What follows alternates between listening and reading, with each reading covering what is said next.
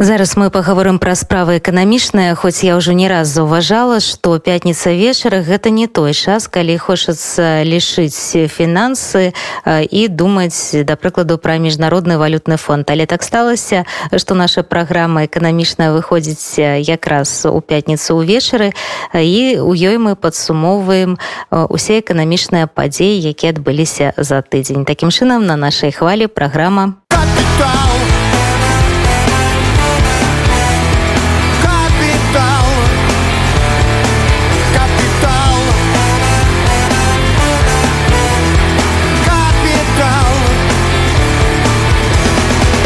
Напружанасць у рэгіёне не змагла не адбіцца на эканоміцы на думку кіраўніцтва міжнароднага валютнага фонду эскалацыя канфлікту паміж рассіяй і украінай прывядзе да далейшага росту цэн энерганосьбітаў для многіх краін з-за чаго на працягу доўгага часу будуць захоўвацца высокія тэмпы інфляцыі пра гэта заявіла першы намеснік дырэктара распарадчыка мвф гітага пінат па яе словах інфляцыя тэмпы якой падскочылі за павышэнне цэн на энерганосьбіты і цяжкасці з пастаўкамі хутчэй за ўсё будзе заставацца высокай прынамсі на працягу гэтага года года. Згодна з прагнозамі МВФ у прамыслова развітых краінах інфляцыя складзе 3,9%, а ў 23 годзе вернецца да параўнальна нармальнага ўзроўню крыху больш за 2 проценты. У той жа час у краінах з рынкамі, што фарміруюцца і развіваюцца, чакаецца значна больш высокі ўзровень інфляцыі 5,9 і 4,7 процента адпаведна. На паказчыках інфляцыя даб'ецца яшчэ больше, чым раней. Рост цен на нафту і газ, якога трэба чакаць у выпадку эскалацыі канфлікту вакол Украіны, падкрэсла гітага піна Up. Тым часам каціроўкі нафты паскорылі рост сёння ўвечары сакавіцкія фьюшерсы на бренд падаражэлі да 90 долараў 76 центаў за барыль сакавіцкія фьюшерсы на WTI да 87 долараў 79 центаў за барыль абедзве маркі могуць зафіксаваць рост па выніках шостага тыдня запар пры гэтым яны знаходзяцца на максімумах з 2014 года увага удзельнікаў рынку паступова пераключаецца на будучае пасяджэнне апек плюс у пачатку лютага ад яго чакаюць сігналу змякчэння дэфіциту дэфіцыту прапановы на рынку што можа апусціць цены на нафту назад на зямлю напісала старшы аналітык нафтавага рынку у рыстатэнерджы луіза дыксон само ж пасяджэнне апек плюс адбудзецца другога лютага чакаецца што кааліцыя па-ранейшаму будзе прытрымлівацца узгодненага раней плана па павелічэнні здабычы на 400 тысяч барляў у дзень між тым фактарам якія прыводзяць да ўздыму цэн з'яўляецца рызыка звязаная з ростам напружанасці ва ўсходняй еўропе вакол украіны іншых прычын для тлумачэння такого доўга скачка цэн на нафту няма. Гэта пранейшаму апасенне звязанае з магчымымі перабоямі ў пастаўках у выпадку эскалацыі украінскага крызісу. І на гэтай рызыцы нафта можа хутчэй за ўсё дадаць 10 долараў адзначыў аналітык камерцбанка карстон фрыдж На фоне геапалітычных праблем расійскі рынок працягнуў падзенне увогуле па папярэдніх падліках з новага года расійскія кампаніі згубілі 150 мільярдаў долараў расійскі рубелі рэкордна аслаб да долара і еўра і расійскі цэнтрабанк нават быў вымушаны часова спыніць пакупку валюты на рынку каб курс ураўнаважыць распродаж акцыі назіраецца ва ўсіх сектарах аднак найбольш уразлівыя гэта тэхналагічны і фінансавы банкі і пастаўшчыкоў электронікі больш за ўсё закранае пагроза санкцый якія ЗША абяцаюць увесці калі палішаць москву вінаваты ў эскалацыі ўзброенага канфлікту на тэрыторыі Украіны. Украінскія суверэнныя аблігацыі намінаваныя ў доларах з пачатку года патанелі прыкладна на 8 процентаў, што з'яўляецца адным з найгоршых вынікаў для рынкаў, што развіваюцца. Украінская грыўня і расійскі рубель з'яўляюцца валютамі з найгоршай дынамікай у 22 годзе. Першая з пачатку года патанела на чатыры з паловай процента, а другі больш чым на 5. Еўросаюз ужо робіць вельмі канкрэтныя крокі па эканамічнай дапамозе ўкраіне. Старшыня еўракамісіі Урсула фон дер Ляйен агучыла і аб'ём фінансавай дапамогі мільярд 200 мільёнаў еўра. З 2014 года ЕС і еўрапейскія фінансавыя інстытуты выдзелілі краіне больш за 17 мільярдаў еўра ў выглядзе грантаў і пазу. Таму сёння я аб'яўляю аб новым пакеце фінансавай дапамогі краіны, які складаецца як з экстранных крэдытаў, так і з грантаў. У першую чаргу камісія прапануе новыя экстранныя фінансавыя меры на мільярд 200 мільёнаў еўра. Мы разлічваем на тое, што і савет ЕС і еўрапарламент прымуць гэты пакет як мага хутчэй і спадзяемся, што першы транш у 600 мільёнаў еўра хутка будзе пералічаны. Больш затое мы хутка пачнем работу над другой больш маштабнай праграмай макрафінансавай дапамогі для падтрымкі мадэрнізацыі краіны. А па-другое, у гэтым годзе камісія амаль удвая павялічыць сваю двухбаковую дапамогу ў краіне у выглядзе грантаў. Будзе выдзелена яшчэ 120 мільёнаў еўра. Гэтая падтрымка ўзмоцніць эфекты дзяржаўнага будаўніцтва і ўстойлівасці ўкраіны. І нарэшце ў дадатак да гэтага мы працягнем інвеставаць у будучыню краіны дзякуючы нашаму інвестплану, які прадугледжвае прыцягненне больш чым 6 мільярдаў еўра інвестыцый. For the country, The plan aims at leveraging over 6 billion euros in investment. А ці можа Беларусі ў гэтым канфлікце разлічваць на эканамічныя дывідэнды, напрыклад, на фінансавую дапамогу ад Масквы, спыталі ў палітолага Паўла Усава. Ён увесь час атрымоўвае фінансавую падтрымку і, конечно, все залежыць ад таго, у якім фармаце Беларусь будзе ўцягнута канфлікт і ці адбудзецца гэты канфлікт. Расія без усякага сумневу будзе фінансаваць нейкія праграмы по мадэрнізацыі вайсковай адбывалася на працягу апошні год. Росія будзе даставляць пастаўляць нейкія элементы сваёй зброі але гэта ўжо хутчэй нават не фінансаванне і ўзбраенне лукашенко фінансаванне ўзбраенне развіццё сваёй уласнай і вайсковай інфраструктуры коштам інтарэсаў беларусі коштам яе суверэнітэту. Бо безумоўна пасля стварэння такой сеткі велізарнай якая ўжо даволі актыўна пачынае фарміравацца ад 2021 году калі былі утвораны вайскова-навучальныя цэнтры так у беларусі калі Росія для патрулявання паветранай прасторы накіравала туды свае знішчальнікі.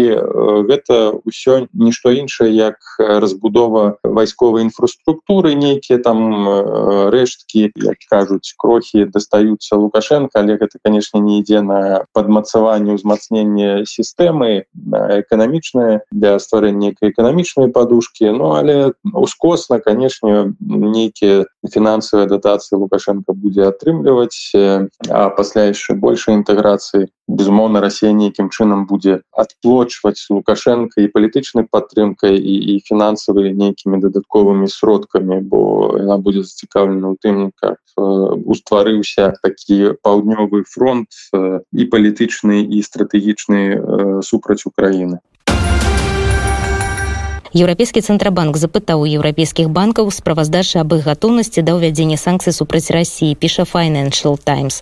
Прадстаўнікі ЕЦБ высвятляюць, якім жа чынам фінансавая арганізацыя будуць дзейнічаць пры розных сцэнарыях. Напрыклад, пры спробе заблакаваць доступ расійскіх банкаў да міжнароднай плацежнай сістэмы SWIFT. У ЕЦБ папярэдзілі крэдытораў, прадстаўленых у рассіі аб неабходнасці падрыхтавацца да ўвядзення міжнародных санкцый у тым выпадку, калі Масква нападзе на ўкраіну піша выданне.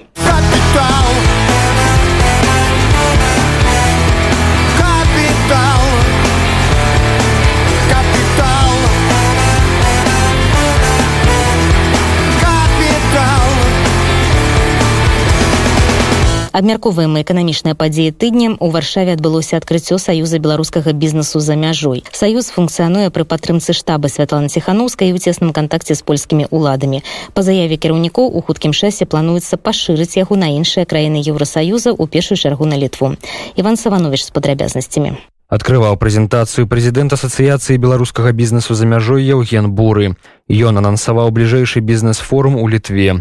Па яго словах менавіта правядзенне форумаў дапамагае найхутчэйшаму выхаду на международный ўзровень. Мы часто слышим, что в одиночку в Польше, по крайней мере, открывать бизнес страшно, э, либо много там неизведанных или не хватает финансирования, то как раз таки вот среди э, членов нашего союза мы рассчитываем, что можно будет найти себе партнеры и вместе развивать, продвигать бизнес. Мы уже достаточно давно и плотно общаемся с белорусской диаспорой по всему миру. И у нас даже были удачные кейсы, когда мы знакомили людей с представителями белорусской диаспоры, и у людей получалось организовать бизнес в других странах. И сейчас э, мы хотим анонсировать проведение форума 22 и 23 февраля в Вильнюсе Мы сейчас э, активно занимаемся его подготовкой. У нас есть уже такие топовые спикеры. Об мэтах дадзенага проекта распавяла менеджер Ассоциации белорусских бизнесов за мяжой Ирина Сазанович. К концу 23 года мы хотели бы, чтобы у нас было уже 500 членов нашего союза. А, планируем проводить три форума в год в разных городах. Хотим стать финансово независимой организацией, то есть чтобы а, АБА могла существовать на членские взносы а, от участников. Собираемся расширять географию членов нашего союза. То есть вот первое место это будет э, Литва, и вот форум мы надеемся, что позволит нам привлечь довольно много э, членов э, из Прибалтики. Ну и самая главная цель это чтобы у нас было активное сообщество, чтобы белорусские бизнесмены друг с другом работали, сотрудничали, помогали друг другу, приближали нас к нашей заветной мечте когда-то вернуться в Беларусь и создать там очень крепкое бизнес-сообщество. Падтрымаць беларускіх бізнесменаў і прадпрымальнікаў прыйшла і міністр сям'і працы і сацыяльнай палітыкі Марлена Малонг. Яна адзначыла, што такія ініцыятывы ў краінах Еўропы гэта добрая магчымасць для беларускага бізнесу атрымаць каштоўны вопыт для новай Беларусі. Chcę mocno podkreślić to polskie wsparcie dla suwerennej, demokratycznej Białorusi i to polskie wsparcie dla wszystkich środowisk, które pracują na rzecz y, suwerennej, demokratycznej Białorusi. Z tego powodu tym bardziej z przyjemnością przyjęłam to zaproszenie. Przedsiębiorcy byli jedną z pierwszych grup, y, która odczuła represję reżimu y, na Białorusi po sfałszowanych wyborach w 2020 roku. I też wielu z nich zostało zmuszonych do emigracji, między innymi, a może przede wszystkim na Litwę i do Polski właśnie. Emigracja to jest zawsze trudny czas, no bo jest się z dala od domu i trzeba zostawić to życie swoje w kraju i wyjechać w nieznane, ale dzięki przyjaznym ludziom, przyjaciołom, takich jakim, jakich Państwo spotkaliście w Polsce, wierzę, że ta emigracja może być dobrym czasem na zdobycie wiedzy, y, doświadczenia y, i gdy reżim Państwa kraju upadnie, a tak się stanie wcześniej czy później, to wrócicie do swojego kraju przygotowani do tego, żeby budować gospodarkę i żeby robić to od razu, a nie uczyć się na własnych błędach. Będziecie już wyposażeni w wiedzę i doświadczenie, Yeah. które zdobyli już inni przed Wami i właśnie macie teraz ten dobry czas, żeby to doświadczenie poznać. Na odkrycie wystąpił kierownik kabineta Światlany Tichanowskiej Walerii Kowalewski. Naszemu radiu on rozkazał, jaką dopomogę białoruskiemu biznesu okazuje sztab Światlany Tichanowskiej zaraz. Po pierwsze, my podtrzymujemy asocjację białoruskiego biznesu za мяжой, a jest to ta inicjatywa, jaka stawia sobie za metę podtrzymywać szerokie koło biznesu, а якія вымушаны былі з'ехаць з беларусі якія пацярпелі ад рэпрэсій але гэта таксама ты беларусы якія б хацелі заснаваць новы бізнес знаходзішся напрыклад у польльшы ці гэта будзе літва украіна ці іншай краіны дзе апынуліся беларусы а мы таксама працуем уладамі еўрапейскага звязу для таго каб прыдумаць распрацаваць новыя праграмы по падтрымцы прыватнага бізнесу напрыклад адзін адной з такіх падтрымак можа быць гарантыйны фонд які дазволіць больш адкрыты доступ да фінансаў якія патрэбныя для вядзення бізнеса вельмі многія бізнесмены якія пачынаюць толькі сваю дзейнасць яны не маюць доступа да такіх ёсць пэўны дэфіцыт і таму мы праз такія дзеянні можам памагчы ім вырашыць гэтую праблему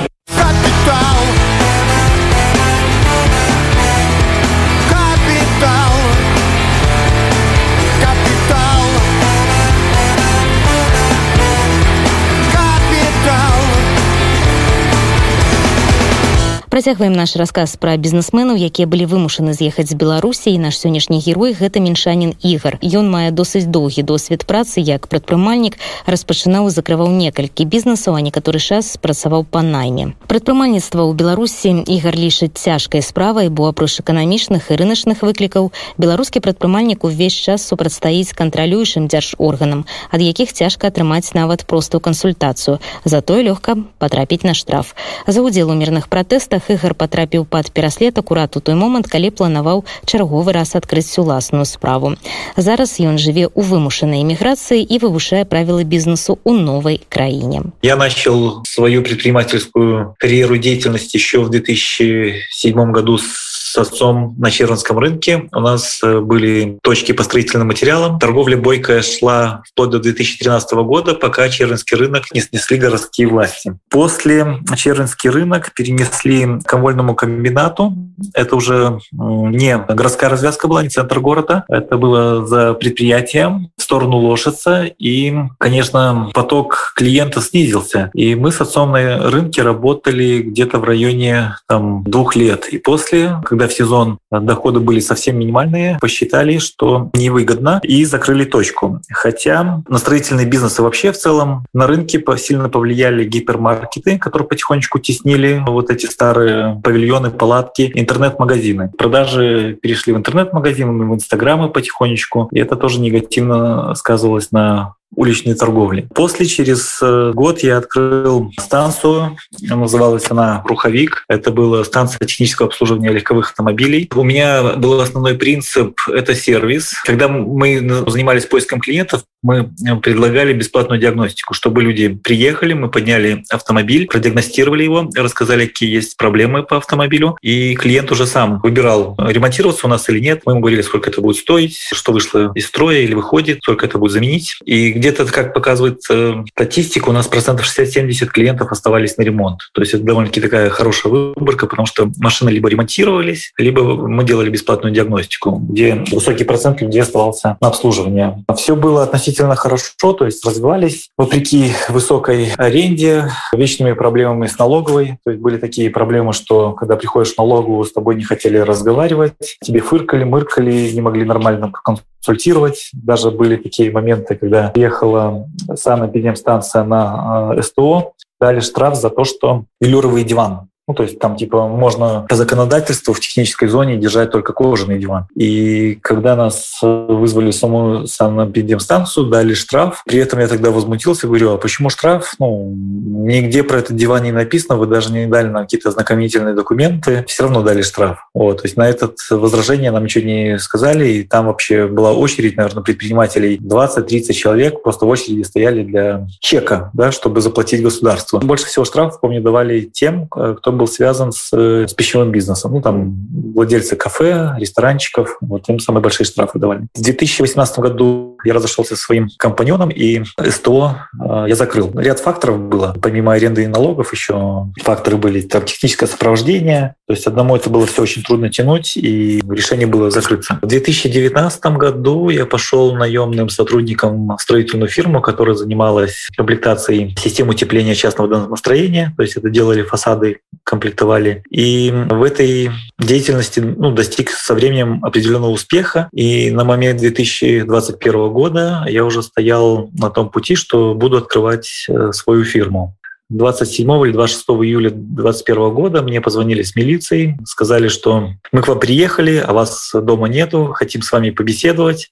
Я спросил, на какую тему, мне ничего конкретного не ответили. Я этого человека попросил, чтобы он мне перезвонил попозже. Попозже он перенабрал и поинтересовался, что вы решили по поводу беседы. Я сказал, что беседовать у меня желания ни с кем нету. Он начал кричать мне в трубку, чуть ли не угрожать. Я говорю, послушайте, если ну, вы из милиции, то давайте по закону пришлите повестку в качестве кого еще, по какому делу, и тогда, возможно, там, ну, я приду на беседу. В итоге где-то, наверное, там 12-13 никаких там действий стороны милиции не было, никто не звонил, никто не тревожил. Приехали на дачу в загородный дом к моему отцу, его забрали и отвезли домой на обыск ну, то есть в той квартире, где жил. Меня в этот момент дома не было, я пришел позже. В итоге ничего не нашли, ничего не конфисковали, ничего не забрали. Э, обращение ну, с отцом и вообще вся процедура проходила нормально, но при этом оставили повестку и красно-зеленую ленту. И когда я все это дело увидел, решил, что не стоит мне куда-то ехать и уе... ну, уехать именно на допрос. И принял решение уехать из страны. На тот момент в Беларуси было 600 с чем-то политических заключенных, и понимал, что я могу пополнить эти ряды, так как в 2020 году после выборов в августе меня уже ну, задерживали. То есть я как-то там пришел на акцию возле костела, даже там не успели люди собраться и что-то покричать, и вообще там просто всех мужчин начали задерживать. Ну, и я вообще думал, что выборы 2020 года, они будут такие же примерно, как 2015, что не будет каких-то возмущений народных, не будет недовольства, потому что ну, плюс-минус все жили, как жили, общество политично. Когда начался коронавирус э, и во всем мире как-то прогрессировала пандемия, люди умирали. Лукашенко тогда совсем нелепо высказывался с медицинской точки зрения. Э, я понимал, что общество уже более интеллигентно. Для себя подчеркнул два триггера перед выборами. Это первый был коронавирус, второй волной и триггером э, была, наверное, посадка Сергея Тихановского. Вот даже для себя скажу, что я канал «Страна для жизни» только узнал именно в тот день, когда его посадили. Когда его арестовали, и сам этот арест, попытка как-то ну, спровоцировать там драку с милицией, что какая-то там женщина хотела с ним поговорить, он отказывается. Это послужило, наверное, таким вот триггером, когда не только я, а общество начало уже возмущаться политикой государства, что явно устранение конкурентов. Ну и думаю, что к самим выборам Таких еще триггеров было несколько. После обыска, когда я увидел повестку, увидел красно-зеленую ленточку, я по другим примерам понимал, что власть э, вытесняет людей, которые задерживались по статье 23.34. Я понял, что если я пойду на допрос, то я минимум могу не выйти. Максимум это будет возбуждение уголовного дела и последующее заключение. И понимал, что если я не пойду на допрос, то уже после 16 числа мне будет, наверное, выехать в трудные страны. Мысль пришла довольно-таки быстро. Ну, конечно, тут выбор небольшой. Там, ну, оставаться смысла наверное, сильного не было. Если бы остался, они бы все равно рано или поздно могли бы меня найти и посадить. Психологически, конечно, это, наверное, было тяжело, потому что ты не знаешь, куда едешь, кому едешь, чем будешь заниматься. Конечно, самая защищенная группа людей, которые покидают Беларусь, это те, у кого дистанционная работа. То есть те, кто с помощью компьютера могут э, оставаться при своем доходе и социальном положении. Я позвонил другу, который уже год жил в Киеве, сказал, что такая ситуация. Он сказал, уезжай. Взял с собой подушку безопасности, необходимые вещи, купил билет до Москвы, с Москвы поехал в Киев на маршрутке. Трудно, не трудно, в любом случае ты себя утешаешь тем, что ты на свободе, в свободной стране. Да, пускай там есть какие-то проблемы социальные, там что ты снимаешь жилье, у тебя там с доходом не так, как в Беларуси, но при этом ты на свободе, у тебя развязаны руки, ты можешь тут расти как специалист, э, себя реализовать. Ну, конечно, понятно, но это все надо время. Психологически, наверное, каждому тяжело, когда лишают родины, когда уезжаешь из страны не по своему желанию, а по принуждению. Желание, конечно, вернуться есть, скучаю по дому, э, хочу домой, люблю Минск, э, э, удобный, комфортный город по сравнению с Киевом. Я имею в виду, так, если грубо, то инфраструктуру и компактность города, да, то есть все, все рядом, все аккуратненько. Общался с белорусами, которые уже в Украине и в Киеве довольно-таки долго, и некоторые говорят, ну я бы съездил, но даже если поменяется власть, они уедут да, жить обратно. Вот, то есть такое мнение э, есть, и я понимаю, что может пройти там 5-10 лет, мы, ну, никто не знает, насколько мы здесь. Теоретически не исключаю, что мое желание вернуться тоже может пропасть теоретически. Бизнесмен Игорь был героем нашего сённяшняга капитала. Рассказ про деловых людей протягнем у наступную пятницу у программе «Капитал».